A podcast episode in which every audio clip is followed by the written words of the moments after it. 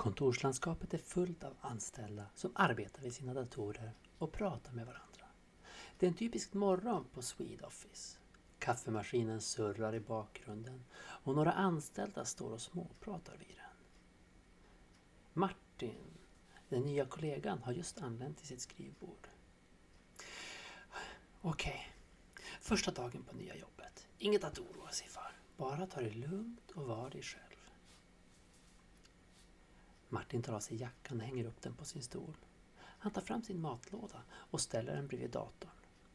Plötsligt dyker Elin upp vid Martins skrivbord. Hej, du måste vara Martin. Jag är Elin, teamleader för marknadsföring. Välkommen till Swedoffice. Ja, tack Elin, vad kul att träffas. Jag ser fram emot att lära känna alla här. Oj, är det där din matlåda? Ser intressant ut. Ja, det är bara några rester från gårdagens middag. Inget speciellt. Elin nickar och går tillbaka till sitt skrivbord. Hon viskar någonting till Fredrik och Ida som sitter bredvid henne. De tittar allihopa på Martins matlåda och skrattar lågt. Vid lunchtid samlas alla anställda i lunchrummet där de värmer sina matlådor i mikrovågsugnarna och sätter sig vid borden. Martin tar sin matlåda och står i kön. Elin, Fredrik och Ida står bakom honom och viskar och fnissar. Kolla in Martins matlåda. Det är bara någon form av grå geggamoja. Vilken amatör! Min matlåda har hemmagjorda sushirullar med ekologiskt ris. Och jag har en quinoa-sallad med grönkål och avokado. Det är så man gör en riktig matlåda. Martin hör dem prata om hans matlåda och känner sig generad. Han värmer snabbt sin mat och sätter sig vid ett bord längst bort från lunchlådamaffian. Under eftermiddagen sitter Martin vid sitt skrivbord och försöker fokusera på sitt arbete. Men han kan inte låta bli att märka hur hans kollegor viskar och pekar på hans matlåda. Han suckar och bestämmer sig för att han måste göra någonting åt det. Okej, imorgon ska jag ha världens bästa matlåda. Då ska de få se vad jag går för. Nästa morgon anlände Martin till kontoret med en stor färgglad matlåda. Han ser självsäker ut och ställer den på sitt skrivbord. Elin, Fredrik och Ida noterar det och går fram till honom. Oj Martin, vad har du i den där matlådan idag? En stor gourmetmatlåda, hemmagjord sushi, quinoa-sallad med grönkål och avokado samt en liten överraskning till efterrätt. Inte illa Martin, det låter som att du verkligen har ansträngt dig. Vi får väl se om det smakar lika bra som det låter. Under lunchen samlas alla anställda återigen i lunchrummet och Martins matlåda väcker stor uppmärksamhet. Elin, Fredrik och Ida sitter vid sitt vanliga bord och tittar på Martin som äter sin mat med stolthet. Han har verkligen lagt manken till. Men vi kan inte låta honom tro att han är en del av lunchlådamaffian nu. Nej, verkligen inte. Vi måste hitta på något att klaga på. Annars kommer han tro att han är lika bra som oss. Eh, vad är det där för något? Ser inte det lite onaturligt ut? Elin, Fredrik och Ida börjar viska och fnittra om Martins efterrätt och snart sprider sig ryktet om att Martin har en konstig kemisk efterrätt i sin matlåda.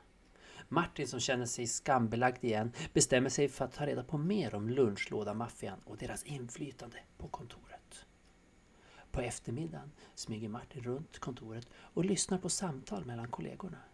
Han upptäcker snart att lunchlådamaffian kontrollerar hela lunchrummet och påverkar sina kollegors beteende och självkänsla. Martin bestämmer sig för att sätta stopp för lunchlådamaffians härskande och återupprätta balansen på Swedoffice. Nästa dag samlas kontorets anställda i konferensrummet för ett personalmöte. Oskar, den excentriska kontorschefen, står framför en whiteboard med en stor grön bild på. God morgon alla Swedoffice anställda! Jag har kallat hit er idag för att presentera en mycket spännande tävling som jag tror kommer få oss att tänka på vår miljöpåverkan och våra matvanor. Jag presenterar Swedoffice gröna matlådeutmaning.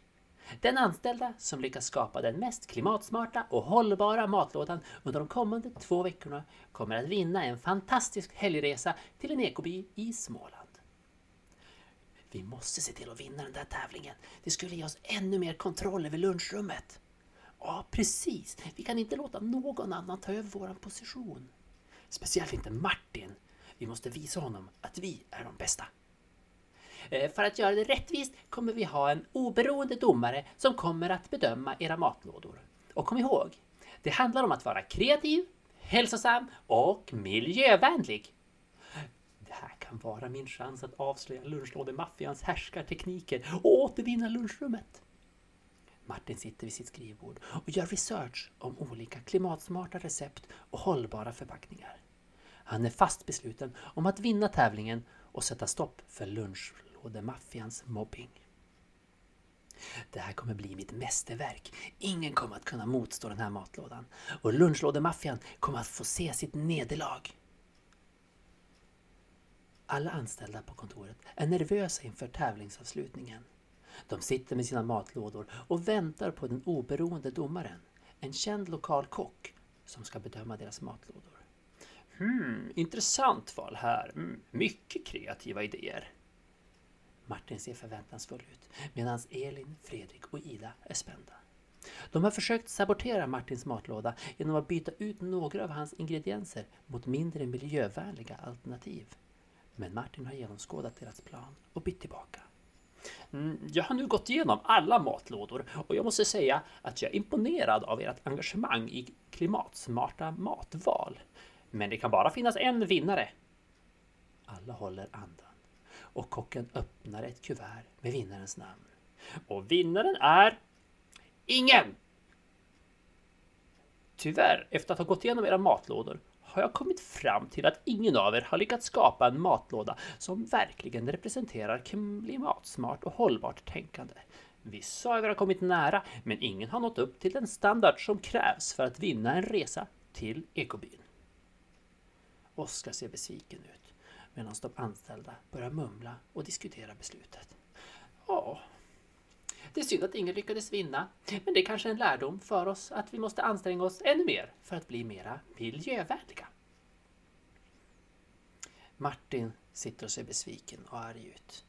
Elin, Fredrik och Ida ser också upprörda ut när de inser att de inte längre kan kontrollera lunchrummet på samma sätt som tidigare.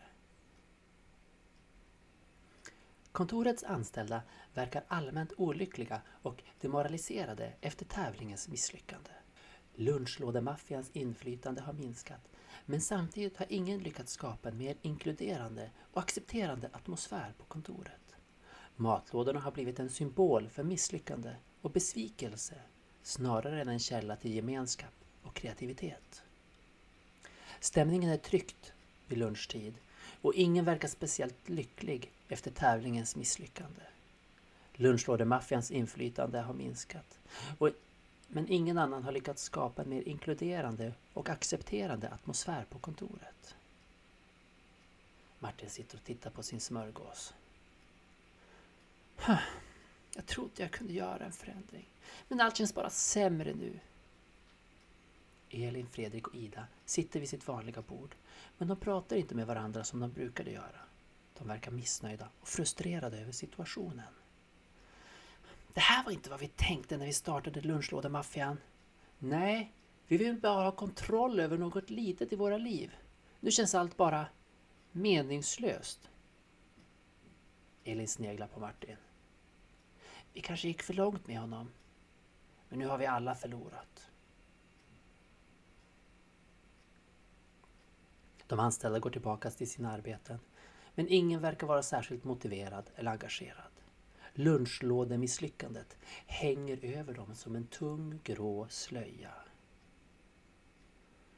Ibland kan vi inte förutsätta konsekvenserna av våra handlingar. I ett försök att förändra situationen på Swedoffice har Martin och lunchlådemaffian istället skapat en känsla av misslyckande och isolering. Kanske är det i dessa stunder som vi inser att förändring inte alltid är lätt och att vi ibland måste acceptera att vi inte alltid kan göra saker bättre.